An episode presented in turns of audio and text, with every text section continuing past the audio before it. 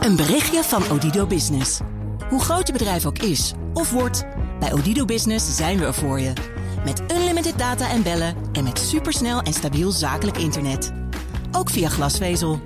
Ontdek wat er allemaal kan op odido.nl/slash business. Het kan ook zo.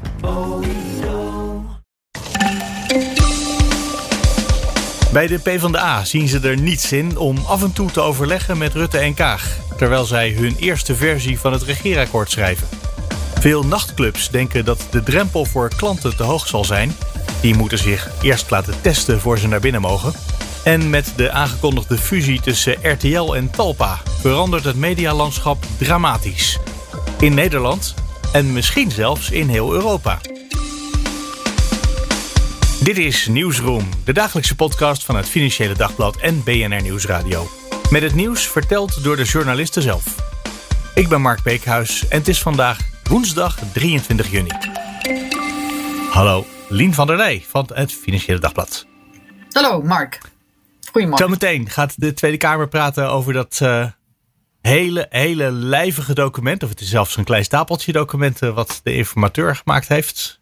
Heb je alle want was het 180 pagina's gelezen? Um, ik ben me er nog aan het doorheen waden, maar gelukkig zijn we met meerdere. Dus uh, iedereen heeft iets voor uh, zijn rekening uh, genomen. Um, en ik overdrijf, het is 109 pagina's, dus eigenlijk ach. Nee, maar een deel komt bekend voor en een deel denk je van dit kan wel wat aangescherpt worden, denk ik dan bij mezelf. Vaag hè? Vaag. Um, vrij algemeen opgesteld uh, bepaalde dingen inderdaad, van wat er nodig is. We moeten iets met het klimaat. Uh, en het zijn ook wensenlijstjes die we wel eens vaker hebben langs zien komen, inderdaad. Dus we zijn eigenlijk al een hele tijd bezig met de formatie. En nu weten we dat politici iets willen met de wereld, maar niet per se wat. Um, dat, is, dat voelt erg onbevredigend als ik het zo formuleer, voor mezelf in elk geval. Daar komt het een beetje op neer. Um, en natuurlijk zijn wij als journalisten heel erg gefocust op die uh, uh, wie met wie vraag. En uh, dat was ook het idee van we gaan langs de lijnen van de inhoud bekijken van wie met wie.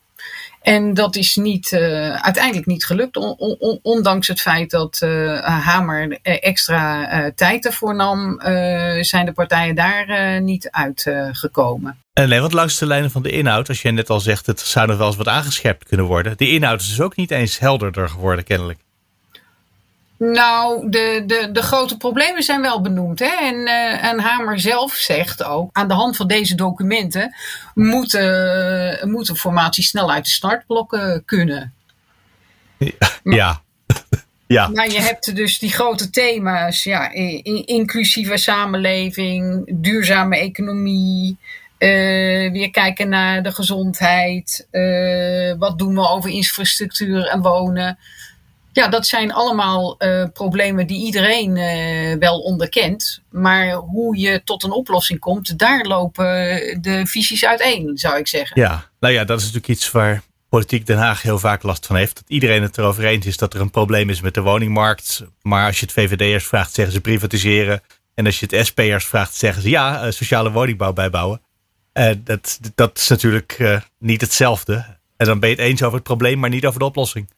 Klopt. En uh, daar moeten ze het over eens uh, zien te worden. Ja. En daar krijg je dus twee liberale partijen die nu een. Uh, het mag geen proeven van een regeerakkoord heten, maar een aanzet tot een regeerakkoord. Oh, waarom mag het geen proeven heten? Dat is te formeel en dan is het meer een idee van tekenen bij het kruisje. En kijk, Kok die deed destijds iets soortgelijks, maar daar -hmm. gingen wel al toen was er maar één uh, probleem nog op de achtergrond en, maar, uh, en, en was al heel gedetailleerd gesproken over de verschillende standpunten. Dat is nu niet het geval. Het is meer een inventarisatie geweest, inderdaad. Ja, ja want dat is waar iedereen uh, naar terug verlangt. De oplossing die Kok destijds wist te bereiken. Volgens mij heeft meneer Rutte het ook een keer zo gedaan. Behalve dat hij toen niet aan het schrijven toegekomen is, omdat zo gauw die begon te schrijven ineens iedereen toch zei, nou laten we dan maar regering maken. Nee, dat, uh, dat, hij, er was een aanzet toe en dat, uh, dat was heel snel al uh, niet meer nodig, inderdaad. Ja, in de tijd met Geert Wilders, dus dat moet zijn eerste regering geweest zijn.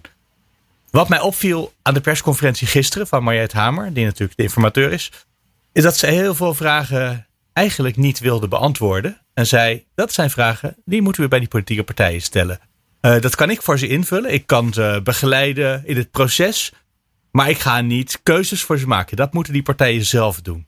En volgens mij is ook een vraag die jij stelde. Komt er een financieel plaatje bij uh, deze niet proeven van een regeerakkoord, maar deze aanzet? Uh, ja, dat moeten die partijen zelf kiezen. Maar volgens mij zit daar ook iets in dat Hamer probeert om die twee partijen te forceren om iets te kiezen. Het maakt niet eens uit wat in deze fase. Hoeven ze niet te zeggen wie met wie.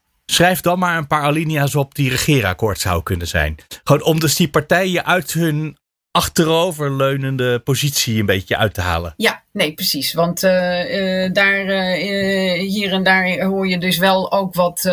Um, in de wandelgangen ook wat, wat irritatie ook over de, uh, over de uh, houding van, uh, van uh, Mark Rutte. Die, die zegt van, hij, hij had het de laatste over van, ja, regie nemen, regie nemen. We, we zien allemaal de verantwoordelijkheid. Het is niet aan mij om de regie ja, te nemen. Ik heb maar 20% van de, van de stemmen gehaald. En dat zijn fopspeenwoorden. Nou ja, ik denk dat Hamer daar korte metten mee wil maken. En zegt van, nee, nu is het aan jullie. Ik kijk mee op de achtergrond.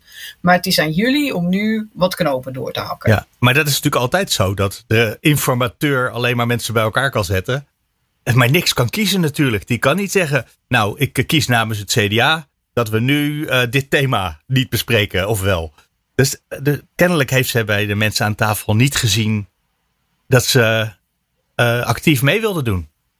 Nou, ze heeft dus wel uh, gezien dat mensen geleidelijk wat meer. Kijk, er zijn, uh, wat zij juist constateerde, was dat iedereen heel graag mee wil doen. Uh, dat had ze, zei, ze had het over sommige partijen die zelfs een beetje boos zijn dat ze niet mogen aanschuiven. En mm -hmm. ik denk dat ze daarmee doelde op de linkse partijen, die, waar ja, die, de frustratie over die houding van of PVDA of GroenLinks, uh, maar niet allebei, uh, best wel uh, hoog is opgelopen zo langzamerhand. Ja. ja.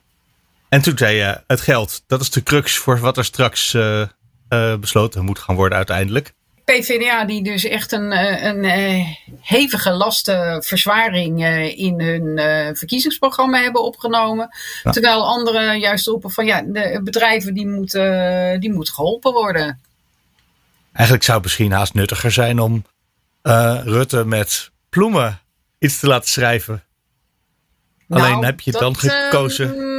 Ik denk dat de, de, dat de verkiezingsverhoudingen daar niet uh, aanleiding toe geven. Nee, dat is ook waar. Maar daar zitten de spanningen in, dit, uh, in, de, in de vijf, zes partijen waar nu steeds over gesproken wordt. Nou, wat ik ook hoor in de wandelgangen is dat er best wel wat te overbruggen valt tussen de twee liberale partijen. Dus tussen D66 en VVD.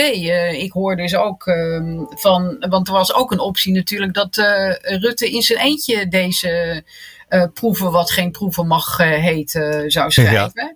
En dan hoor je in kringen rond de formatie van. Ja, dat vertrouwen wij hem niet toe. Wij willen wel vanuit de D66, we willen wel zorgen dat die progressieve agenda een beetje overeind blijft. Dus no way dat hij het zelf mag gaan schrijven. Nou, vandaag gaat de Tweede Kamer hierover met elkaar in debat. Gaan we daar nog iets uit leren? Moeten we ergens op letten vandaag? Kunnen we iets zien? Um, nou, we, we, hebben natuurlijk uh, rondgebeld van uh, wat vinden jullie hiervan? En uh, is dit, is dit aangewezen weg? hoe, hoe, hoe zien jullie dat? -huh. Mhm. Nou, en ik, ehm, ik denk dat Hamers oplossing het wel gaat halen, uh, uh, maar ja. met tegenzin. Uh, je hoort her en der van ja, de, de, de, zes partijen die nog gegadigd zijn voor een, een coalitievorming, in welke opstelling dan ook. Die hebben allemaal ja gezegd, maar de een wat meer schoorvoetend dan de ander. Ik hoor dus op links dat uh, ja, we gaan er niet voor liggen. Maar uh, wij vinden dat uh, we gewoon moeten met z'n zessen moeten gaan onderhandelen. Um, en dit vinden we een beetje onzin tussenstap. En waar ik ook heel erg benieuwd naar was, is er dan straks ruggespraak dat, dat, dat Kaag met. Kaag is wel vaker. of GroenLinks en PvdA zijn al vaker gesignaleerd op de burelen van D66. En ik mhm. dacht van, komt daar dan een soort war room om, uh, om uh, te bespreken wat daar in dat, uh, in dat document terecht moet komen. En dat was dus, daar was geen sprake van verzekerde de PVDA me. Want uh, ah. zij gaan niet in een achterkamertje van een achterkamertje proberen uh, hun, uh, hun standpunten over het voetlicht te brengen. Dus dat gaat niet gebeuren.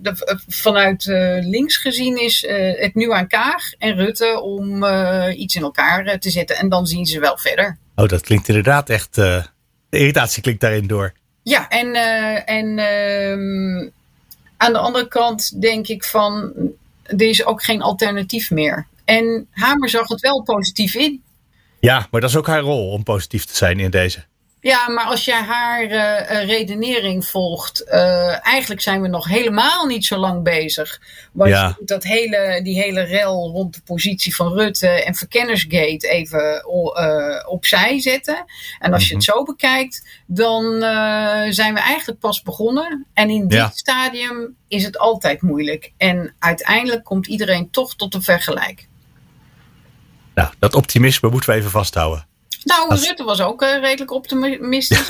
ik, uh, ja, altijd. En, en, de ChristenUnie vond ook dat we een stap verder hadden genomen. Dus dan. Ah ja. Maar uh, als ik dat zie, dan denk ik van. Gaan we nu weer toch voorzichtig naar een, een voortzetting van het huidige bestel? Um, dat zou D66 niet leuk vinden, want dat botst op wat je ook uit het verslag van Hamer ziet: van uh, ja, er zijn te veel medische ethische kwesties die, uh, die uh, dat in de weg zitten. En een coalitie zonder CDA? Kan wel, hè? Ik zag er eentje voorgerekend. Ik ben even, ik ben even kwijt wat je dan weer nodig had. Ja, getalsmatig zou het wel kunnen. Of dat je ChristenUnie daarin. Uh, in, in, uh, maar maar Rutte wil echt. dat kan ook nog, hè? niet loslaten, denk ik. Nee, precies. Maar je kan moeilijk. Dat is natuurlijk toch een ingewikkeld. Als je dan zegt: nee, maar die linkerpartijen die mogen elkaar niet vasthouden. Terwijl je op rechts dat dan wel zou mogen. Ja, dat, zit ook nog een soort... is ook het argument van de linkse partijen. Van uh, hoe, hoe zit dat dan? Uh, jullie mogen elkaar wel vasthouden, en de anderen niet. Ja. En ik zag dus ook in het verslag van Hamer dat er ook even is geopperd dat CDA ook mag meeschrijven aan deze aanzet tot een regeerakkoord. Oh, ja. uh, maar dat kon niet de goedkeuring wegdragen van alle partijen, zei Hamer. Um, en het is twee keer raden wie dat niet zag zitten. Maar ja. Eh, ja, daar kan je je van alles bij voorstellen, ja. Nou ja, je kan over het CDA natuurlijk een hele lange, dat moeten we nu niet doen, maar over het CDA kan je een heel lang gesprek hebben of die überhaupt op het ogenblik toe zijn als partij aan regeren. Uh, zo in elkaar geklapt in de peilingen, maar vooral uh, gewoon met zichzelf bezig over de vraag wat ze nou eigenlijk voor partij zijn. En als ze dat niet zijn, dan gaat het ook mis met het CDA. Dus ik, ik dat is een serieuze vraag die ik daarover heb. Maar dat moeten we misschien een andere keer doen. Ja, en die vraag heeft iedereen. Uh, en uh, er is zelfs een, uh, een, een, een theorie die zegt van ja, de, de, deze hamer um, uitstelperiode is, komt CDA wel goed uit. Want dan in de tussentijd is de commissie Spies geweest. En weten ze beter waar ze aan toe zijn. En of, of, of, ze in staat zijn om, om tot een regering toe te treden. Maar dat is dan weer ook uh, ontkracht door anderen. Dus uh, ik, uh, ik wil daar nee, dat weten we niet. Nee. Ik zeg alleen, die geruchten gaan er ook. We gaan vandaag zien hoe dat in, de, in het debat in de Kamer zich ontwikkelt. En wat er daar misschien nog over duidelijk kan worden. Ik, um, ik heb nog geen contact gehad met PVV. Maar ik wilde wel op wedden dat, dat Geert Wilde zegt dat er gewoon nieuwe verkiezingen moeten komen. Oh ja, dat is waar. Dat wilde hij al heel lang. Volgens mij vanaf dag één. Ja. Lien van der Leij, dankjewel. Ja, dankjewel. Toch? Hallo, Diederik de Groot. Hallo Mark. Van BNR Nieuwsradio. Um, we gaan het hebben over clubs, nachtclubs. Ja, die weer open mogen. ik zie het een beetje aan je kleine oogjes, ja. het kan nog niet, want die zijn nog dicht. Nee, ja goed, inderdaad. Ik kan het gelijk makkelijk ontkrachten, deze bewering. Ja, of het moet een illegale, een illegale ah. rave zijn geweest. Maar ja ik ben alweer 30 hè Mark. En als ik dat zou doen, dan, uh, dan zit ik niet alleen met mijn kleine oogjes, maar dan lig ik gewoon nog echt uh, voor pampus. Dus uh, nee. maar het kan binnenkort weer wel. nou, hartstikke goed. Dat wil zeggen, het kan weer wel. ze mogen weer open, de clubs. Maar nou hoor ik dat er heel veel clubs eigenlijk er nog helemaal niet aan toe zijn. Klopt, en dat heeft ook heel veel te maken met de regels die er dan gaan gelden als ze weer open mogen. Want het is niet zo uh, dat er is gezegd: gooi de boel maar open, uh, laat het maar weer helemaal vol en uh, vrijheid, blijheid. Nee, het is eigenlijk hetzelfde een beetje als wat we met reizen doen. We willen wel weten voordat iemand naar ons toe komt of dat we ergens anders naartoe gaan, dat diegene niet besmet is. Dus dat wil zeggen of een negatieve coronatest kan overleggen of volledig gevaccineerd is. Mhm. En met name in dat eerste, die uh, coronatest, daar zit hem uh, een beetje de bottleneck voor een groot deel van de, of nou niet een groot deel, want de meeste kunnen wel open, maar toch wel een aanzienlijk deel van de clubs. Mm um, omdat je moet dan natuurlijk weer na die test ook weer terug naar die club. Uh, en als daar een uur tussen zit uh, met het openbaar vervoer of uh, een half uur met de auto, is het natuurlijk toch niet de meest aantrekkelijke optie om dan die club te kiezen als je een test moet overleggen. En die test overleggen, dat zal een van de uh, belangrijkste dingen zijn om een club in te komen. Omdat vooral jongeren natuurlijk, een jonger publiek naar een club gaat. En daarvan is. Uh, nou, ja, die is deze zomer nog niet uh, helemaal gevaccineerd. Nee, uh, voordat je twee prikken hebt gehad en na die tweede prik nog uh, twee weken, meen ik, uh, ja. je hebt gewacht, zijn we echt wel in september. En de zomer even kijken, ja, die, die is al begonnen. En het is natuurlijk nu bijna juli, dan mogen ze weer open gaan. Dat zijn natuurlijk over het algemeen wel uh, weken waarin ook jongeren vrij zijn en uh, je ze binnen zou willen laten. Maar dat gaat ja. uh, zeker niet allemaal lukken. Nee, de zomer is inderdaad begonnen. De dagen worden zelfs alweer ietsje korter inmiddels. Oh, wat een vervelende gedachte. Nou, je kan ook zeggen, voor de clubs is dat goed nieuws. Want de nachten worden op het ogenblik elke nacht een paar seconden langer. de nacht begint eerder en eindigt later. Precies. Dat klopt. Uh, dus daar is uh, wat dat betreft misschien dan iets uit te halen. Maar het gaat maar om seconden op het ogenblik nog. Heel um, vervelend gevoel is dat altijd als je naar huis gaat en het wordt al licht, vind ik. Nou, dat vind ik ook wel weer mooi. Ja. Dan was het een goede nacht. Ja, dat is waar. Maar goed, uh, ja, dit, ik, ik ben uh, niet meer zo'n hele vaste bezoeker van clubs uh, tegenwoordig. Maar dit gaat toch in de grote steden in elk geval geen enkel probleem opleveren. Dus als je een nachtje naar Amsterdam gaat, of een nachtje naar Den Haag of Rotterdam. Dat kan gewoon, toch? Want daar heb je gewoon overal testlocaties. Ja, blijkbaar levert dat dus wel problemen op, omdat je ze ook daar niet overal hebt. En Amsterdam is natuurlijk een vrij grote stad. Als ja. je daar naar een nachtclub gaat, is de kans ook vrij groot dat je niet met je eigen vervoer uh, gaat. Dat wil zeggen, niet met de auto. -hmm. um, omdat er, uh, uh, nou ja, wel eens wat gedronken wordt als je naar zo'n club gaat. Ja. en dan kan het natuurlijk, als het net niet handig ligt, kan het nog best wel een gedoe zijn om dan bij een goede testlocatie te komen. En dat zegt nachtclub, Nachtbelang, dat is de organisatie die de nachtclubs in Nederland vertegenwoordigt tegen ons. Het speelt ook echt wel in de stad. Daar zijn ook wel een aantal clubs die gewoon nog niet open gaan. Overigens, uh, we focussen ons nu op die testlocaties. Maar dat is niet ook de enige reden. Want uh, dus, er worden veel meer redenen aangedragen dat sommige clubs nog niet open gaan. Um, er is gewoon natuurlijk een heel zwaar jaar wat er achter ze ligt. Dus de financiële reserves zijn uh, daar uh, nou, niet heel. En je moet natuurlijk toch wel nogal wat in het werk stellen om nu weer open te gaan. Dus er moet weer nieuw personeel soms worden aangenomen of worden opgeleid. Uh, andere investeringen om het allemaal weer leuk eruit te laten zien. En die, de DJ die moet draaien en uh, de drank moet worden ingekocht. Ja. Uh, als je ervan uitgaat dat deze zomer nog niet je club helemaal vol zal staan. Want er is nog heel veel anders te doen ook. Er zijn allemaal festivals. wat nog belang letterlijk ook zegt. De jongeren hebben weer van alles te doen. Heel veel te doen. Ja. Dus dan is het niet per se gezegd dat ze allemaal naar een nachtclub gaan. Dus is het ook niet per se gezegd dat je gelijk bomvol staat avond aan avond. Toch moet je nu heel veel ja. geld hebben om dat weer op te starten. Is het dan wel zo slim om dat nu te doen? Of wacht je nog een maandje of twee?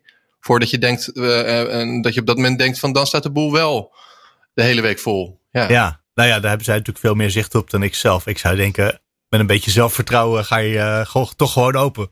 Ja, uh, met een beetje zelfvertrouwen, ja, maar ik weet niet of een portemonnee en uh, je een volle of een lege portemonnee en een zelfvertrouwen op dit moment. Nee, maar je, je, hebt toch, je hebt toch die club waar iedereen naartoe wil komen? Dat is toch. Ja, nee, dat is ook zo. Maar aan de andere kant is het natuurlijk ook wel een flink aanbod. En als het allemaal in één keer open gaat, zullen er ook altijd een paar zijn die dan misschien niet ja. de winnaar zijn. Ja, ja dat klopt. en als dat risico niet wil lopen, dan, dan wacht je dus nog een, een maandje of wat. Ja.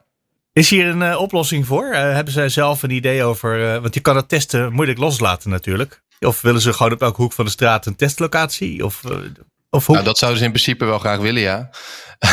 ja. um, dat gaat natuurlijk niet. Alleen er wordt wel gezegd, ze zouden daar iets mobieler in kunnen zijn. Dus dat je het toch iets beter verspreidt. Of dat je bijvoorbeeld ook, nou, wat ik dan zelf nog bedenk, is je zou met sneltesten kunnen werken. Aan de andere kant wordt daar dan ook weer van gezegd dat die minder betrouwbaar zijn. Ja. Dus ja, ik denk dat die oplossing in die zin dan ook niet echt uh, binnen handbereik ligt. Dat het gewoon een conclusie zal zijn dat als jij merkt uh, als nachtclub dat je er te ver vanaf zit. En dat is nog maar een verwachting, hè? Want uh, dat je er te ver vanaf zit, is natuurlijk nog niet ja. bewezen. Dus, nee, dit is angst vooraf. Het is vooral angst. En ja, dan zal dat dus even moeten wachten. Uh, waarschijnlijk tot het moment, en dat zeggen ook die nachtclub-eigenaren, want we hebben er ook een paar gesproken. Tot het moment dat iedereen gewoon volledig gevaccineerd is. En je dus helemaal van deze ellende uh, uh, niks meer merkt. En ellende noem ik het dan even, want het is natuurlijk, ja. uiteindelijk is het gewoon een hoop gedoe. ja, natuurlijk. je moet het ook allemaal controleren hè, als nachtclub. Dat is natuurlijk ook, kost ook weer wat extra geld en, en moeite en tijd. Um, ja. Dus ja, ja, maar ja, kijk er staat vaak al iemand voor de deur sowieso. D dat is waar. Alleen um, het is toch nog wel weer een verschil of je alleen maar iemand ja, die moet vragen. Of ook nog zo'n negatieve testbewijs die uh, misschien mensen ook weer mee gaan lopen knoeien. Want daar is ook wel in het verleden sprake van geweest. Tuurlijk, um, tuurlijk. Of, je, of je vaccinatie. En, wat, en dan komen mensen met een geel vaccinatieboekje. En dat is dan niet geldig. Want je moet een. Nou ja. Uh, is dat niet geldig? Volgens mij is het nog altijd niet erkend als officieel vaccinatiebewijs door de Nederlandse overheid. Namelijk, dat gaat uh, alleen op voor het uh, Green Certificate. Dus het digitale paspoort. Wij hebben daar laatst nog een heel mooi verhaal over uh, gemaakt bij BNR. Um, dat er ook van werd gezegd, het is veel privacygevoeliger eigenlijk zo'n digitaal certificaat. Het gele boekje is ook een goed alternatief. Maar ja. daar wil um, het ministerie van VWS nog altijd niet aan om dat dan te erkennen als officieel vaccinatiebewijs. Omdat het veel fraudegevoeliger zou zijn. Dus uh, als het goed is, uh, kan je daar ook niet mee de discotheek in. Dus ik, ik, ik, weet bijna zeker nu al dat er toch mensen daar met hun gele boekje zullen gaan staan. Ik weet ook bijna zeker dat er heel wat mensen aan de deur staan die zeggen: dat gele boekje, ik geloof je wel. dat denk ik ook. En ik geef ze ook geen ongelijk. Maar ja, ja ik maak ja. de regels ook niet. Laten we afsluiten met een enorme clichévraag, uh, Diederik. Zaterdag gaan ze open. Ja. Heb je je gele boekje al in de aanslag? Ik ben mijn gele boekje kwijt, Mark. En dat is geen grap. maar ik heb ook oh. pas één prik gehad. En ik, ga zondag, en ik ga zondag naar Berlijn. En daar, uh, nou, daar hebben ze niks met nachtclubs, joh. Vermaak je. Dankjewel. Dankjewel. Diederik de Groot. Ik moet eerlijk zeggen dat uh, ik ben gisteren natuurlijk... Uh, het was aan het einde van de dag dat dat uh, los begon te komen. Ik was er eerder op de dag al mee bezig, want er waren al natuurlijk aanwijzingen dat er iets ging gebeuren. Ja, aan het einde van de dag heel druk mee bezig en het was een, een ingewikkeld en chaotisch proces. Ja. En eerlijk gezegd, uh, ik, ik, ben in eerste instantie, toen, toen, wist ik alleen maar dat er dus inderdaad een fusie zou komen uh, met Talpa. En toen ben ik een verhaal gewoon uit mijn hoofd gaan opschrijven met alle achtergrond. Maar ja, later kwamen ze met een persbericht waar wel allerlei details in stonden. Uh, en toen het verhaal dus weer overnieuw moeten schrijven. Um, ja. Maar echt veel ruimte om er nog eens over na te denken of te verdiepen, dat, dat heb ik allemaal niet gehad. Even kijken, de band loopt nog niet. Ik had daar wel op geklikt, dacht ik. Maar het is niet zo. Die loopt wel weer. En dan zeggen we hallo Jeroen Piersma. Goedemorgen Mark. Van het Financieel Dagblad. We gaan het hebben over die grote mediafusie tussen RTL Nederland en Talpa. En daarna, wat blijft er dan nog over? Dan heb je daarna nog wat krantenbedrijven. Hè? Dat is, uh, dan is de media helemaal geconsolideerd in één bedrijf.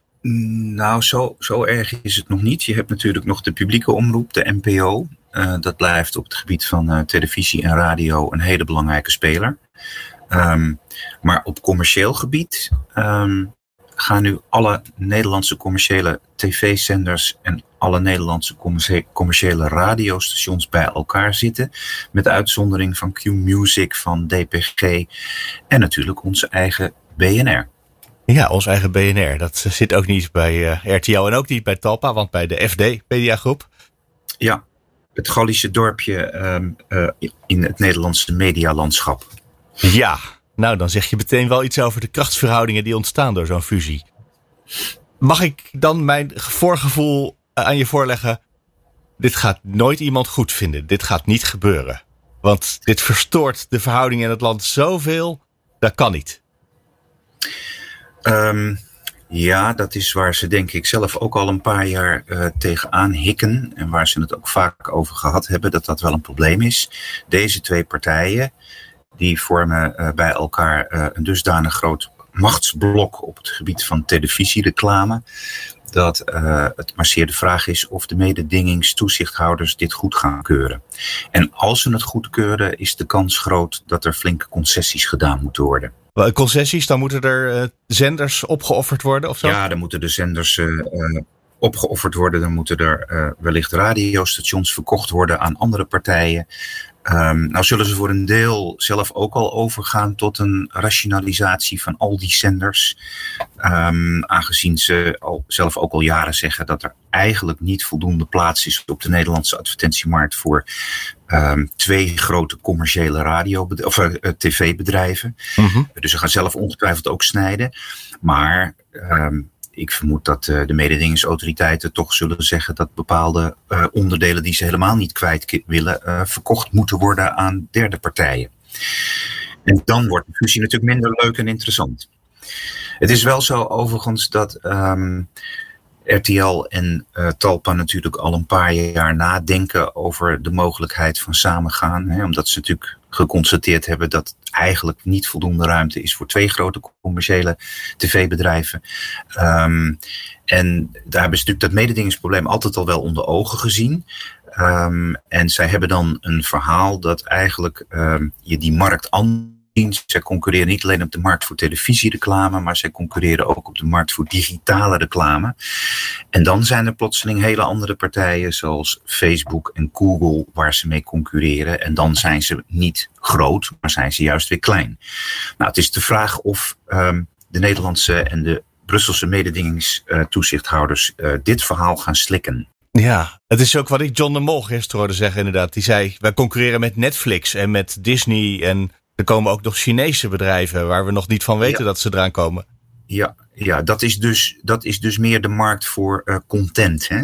Ja. Um, dat is meer de markt van de kijkers waar die het dan over heeft. Maar daar speelt natuurlijk ook dat hele grote buitenlandse partijen, nou ja, die jij noemt, uh, dat zijn natuurlijk de bekende voorbeelden, via die streamingdiensten uitgebreid op de Nederlandse markt aanwezig zijn en uh, heel veel kijktijd afsnoepen. Ja, en daar zul je wat tegenover moeten stellen als Nederlandse partijen. En um, dat betekent dat je heel veel aantrekkelijke uh, content moet produceren om die kijkers geboeid te houden en naar je toe te trekken. En dat kost waanzinnig veel geld. Um, en daarvoor is zo'n combinatie tussen die twee, hè, die enorm veel Nederlandse content kunnen produceren uh, met z'n tweeën, uh, natuurlijk ook een groot voordeel. Ik denk dat ik John de Mol misschien wel gelijk moet geven. Want mij zijn ze eigenlijk als kijker al jaren geleden kwijtgeraakt aan streaming services en podcasts en allerlei dingen buiten die grote tv-zenders. Ja, ja, waarbij ik dan denk dat jij misschien niet niet helemaal de doorsnee uh, Nederlandse tv-kijker bent. Maar het is natuurlijk een trend dat lineair kijken, hè, dus gewoon op het moment dat het uitgez uitgezonden wordt, dat dat gestaag afkalft in de afgelopen jaren. En wat groeit, dat zijn die uh, streamingdiensten. Um, en RTL heeft met Videoland natuurlijk de afgelopen jaren een succesvolle Nederlandse uh, concurrent voor uh, Netflix um, uh, op de markt gezet. Maar dat is een hele dure operatie waar uh, RTL al jaren um, uh, verlies op leidt. En dat waarschijnlijk ook nog jaren gaat doen. Hè, want het is ontzettend duur om al die content te produceren. Nou ja, dat gaat als je samen met Talpa gaat zitten natuurlijk ook weer een stuk makkelijker. Gaat deze fusie ook iets betekenen, denk je, voor het nieuws? Want RTL is een van de twee grote journaals op televisie in Nederland, hè, het RTL Nieuws. Ja. Uh, zou daar iets aan veranderen? Ik hoorde het gisteren namelijk gepresenteerd worden als een nieuwe entertainment combinatie. Ja. dacht ik, oh jee. Uh, we gaan toch niet het RTL Nieuws missen? Nee. Nou, eerlijk gezegd denk ik dat RTL Nieuws uh, een kroonjuweel is van uh, RTL. Uh, ik heb niet, nog niet zo lang geleden Sven Sauvé geïnterviewd voor het FD. Dat is de CEO van, van RTL. Ja. Um, en die is toch behoorlijk trots op RTL Nieuws. Dus ik, ik vermoed dat ze daar um, dat ze dat um, gewoon ongewijzigd in stand laten. En ja, Talpa heeft op dat gebied niet veel te bieden. Dus ehm, eh, daar hoeft ook volgens mij uh, niet dingen samengevoegd te worden of geschrapt te worden. Ik denk dat RTL Nieuws gewoon zal blijven bestaan. Ja, ja Talpa heeft natuurlijk hard in Nederland weet je die programma's ook weer. Ik kijk dus te weinig televisie om dit echt te weten. Hart van Nederland. Hart van Nederland hebben ze, ja, precies. Beetje opgetuigd uh, met, wat, met wat extra uh, nieuws. Hè, naast de uh, lokale en regionale nieuwsfeitjes. Ja. Um, en, en dat was nadat ze eerder ANP hadden gekocht, maar dat was niet zo'n succes. Toen hebben ze geprobeerd iets, hè, een, een, een soort nieuwsprogramma op te zetten. Dat is eigenlijk niet gelukt. En toen hebben ze Hart van Nederland wat opgetuigd. Maar goed, dat is natuurlijk geen volledige, volwaardige uh, nieuwsvoorziening. Dus nee, het is echt uh, RTL Nieuws, dat, is, uh, dat zal het kroonjuweel blijven op dat gebied. Dat gaat niet veranderen. Nou, dat is een geruststellende gedachte, want die zijn belangrijk. Volgens mij, trouwens, die hebben bijvoorbeeld het toeslagenschandaal aan het licht gebracht samen met een paar Kamerleden. RTL Nieuws heeft zonder meer de afgelopen jaren uh, journalistiek aan de weg getimmerd. Dus uh, nou, laten we hopen dat het daar dan geen, geen uh, consequenties voor heeft. Aangenomen dat dus die fusie überhaupt doorgaat. En het is misschien wel even goed om te zeggen dat, dat RTL Group, um, die is al een tijdje bezig met um, het onderbrengen van uh, hun nationale RTL-bedrijven in grotere combinaties. Ze zijn er in Frankrijk mee begonnen hè, met um, de fusie tussen M6 en uh, TF1. M6 is een grote commerciële zender, TF1 ook. Die hebben ze samengevoegd, daar hebben ze ook een belang in gehouden. Ze zijn in België bezig met uh, de verkoop van hun Belgische RTL-bedrijf. Um, en ik heb de indruk dat ze nu het water aan het testen zijn van met, met deze deals van uh, hoe ver kunnen wij gaan bij de mededingingsautoriteiten. Hmm. En als het lukt om deze deals zoals in Frankrijk en in Nederland erdoor te krijgen, dan kunnen ze dat ook in de rest van Europa doen en misschien zelfs wel uh, op de eigen thuismarkt in Duitsland. Dus het, het is voor een deel ook het testen van het water. We zijn een proefgebied, als je het zo zegt. Eh, ja, het zou het best eens kunnen dat wij een, een proefgebied zijn voor uiteindelijk um, uh, de belangrijkste markt voor RTL en dat is Duitsland. Je zei al, het begon gisteravond een beetje rommelig. Met uh, dat er in de loop van de avond steeds meer volgende stapjes van informatie kwamen. Uh, ja. En dat gaf weinig tijd om na te denken. Heb je inmiddels al een beetje een nachtje erover kunnen slapen? Over wat nu het vervolg moet zijn, wat uitgezocht moet worden, wie er gebeld moet gaan worden vandaag? um, Uh, nou, eerlijk gezegd niet. Maar dat komt ook omdat uh, jouw collega's om zeven uur vanochtend al aan de lijn hingen. Nee, dus ik, ik ben eigenlijk tot nu toe alleen nog maar met BNR bezig geweest. Dus ik heb nog niet na kunnen denken over wat het, wat het wat follow-up zou, zou kunnen zijn. Want die komt wel, hè? Ja, er zal wel iets moeten komen. Maar uh, daarvoor moet ik dus echt nog even nadenken en even praten met collega's. Okay. Kijk, de, de, de mededingingskwestie is natuurlijk belangrijk. Dat, dat, maar goed, dat ziet iedereen. Dat is niet zo heel uh, fris of origineel. Um, ja, verder denk ik dat het ook nog wel interessant is om misschien iets um, dieper in te gaan op hoe we deze fusie nou eigenlijk moeten zien. Want heel vaak als een fusie als fusie wordt gepresenteerd, dan is het eigenlijk een overname. En daar lijkt het in dit geval ook op. Hè. De, ja. de zijn uh, 70-30. 70 voor RTL Groep en 30 voor John de Mol. Ja eigenlijk zou je kunnen zeggen, um, dit is geen fusie, maar John de Mol verkoopt zijn Talpa-activiteiten aan RTL Groep. En wat betekent dat voor de markt? Ja. Nou, het, is, het, het, is het, meer, het zegt meer iets over hoe het met Talpa de afgelopen jaren is gegaan. Ze hebben natuurlijk in 2017, toen ze van start gegaan zijn, een hele grote broek aangetrokken. Ze gingen een, een groot multimediaal bedrijf in de markt zetten waarmee ze uh, uh, een soort Nederlandse Google zouden worden. Um, en ja, daar is toch eigenlijk niet zo heel veel van terechtgekomen. Dat is een beetje blijven steken en hangen. Zoals al wel vaker in het verleden gebeurd is wanneer John de Mol buiten zijn, zijn core business ging. Namelijk uh, het maken van formats en, en TV, nieuwe tv-programma's. Als hij, zodra hij begon met, het, met een tv bedrijf breder hè, en, en, een soort mediamagnaat proberen te worden, dan, dan bleef het meestal toch een beetje steken. Overigens was dat voor een deel ook altijd dat hij er heel vroeg mee was. Um, en heel ambitieus en heel innovatief. Um, en dan was de markt er gewoon nog niet helemaal klaar voor. Dus dat, dat moet je dan weer als verzachtende omstandigheid erbij noemen. Maar even kijken naar het verleden van Talpa en hoe het zover gekomen is dat ze nu eigenlijk toch min of meer verkocht worden aan RTL Groep. Dat lijkt me nog wel een invalshoek. Zeg ik nu zo spontaan terwijl ik met je zit te praten. Ja, nou dat gaan we dan gewoon lezen in de kranten de komende dagen wat daarvan terechtgekomen is. Of het dit is of iets totaal anders. Ja. Jeroen Piersma, dankjewel. Uh, graag gedaan Mark. En dat was hem voor vandaag. Morgen zijn we er weer. Graag tot dan.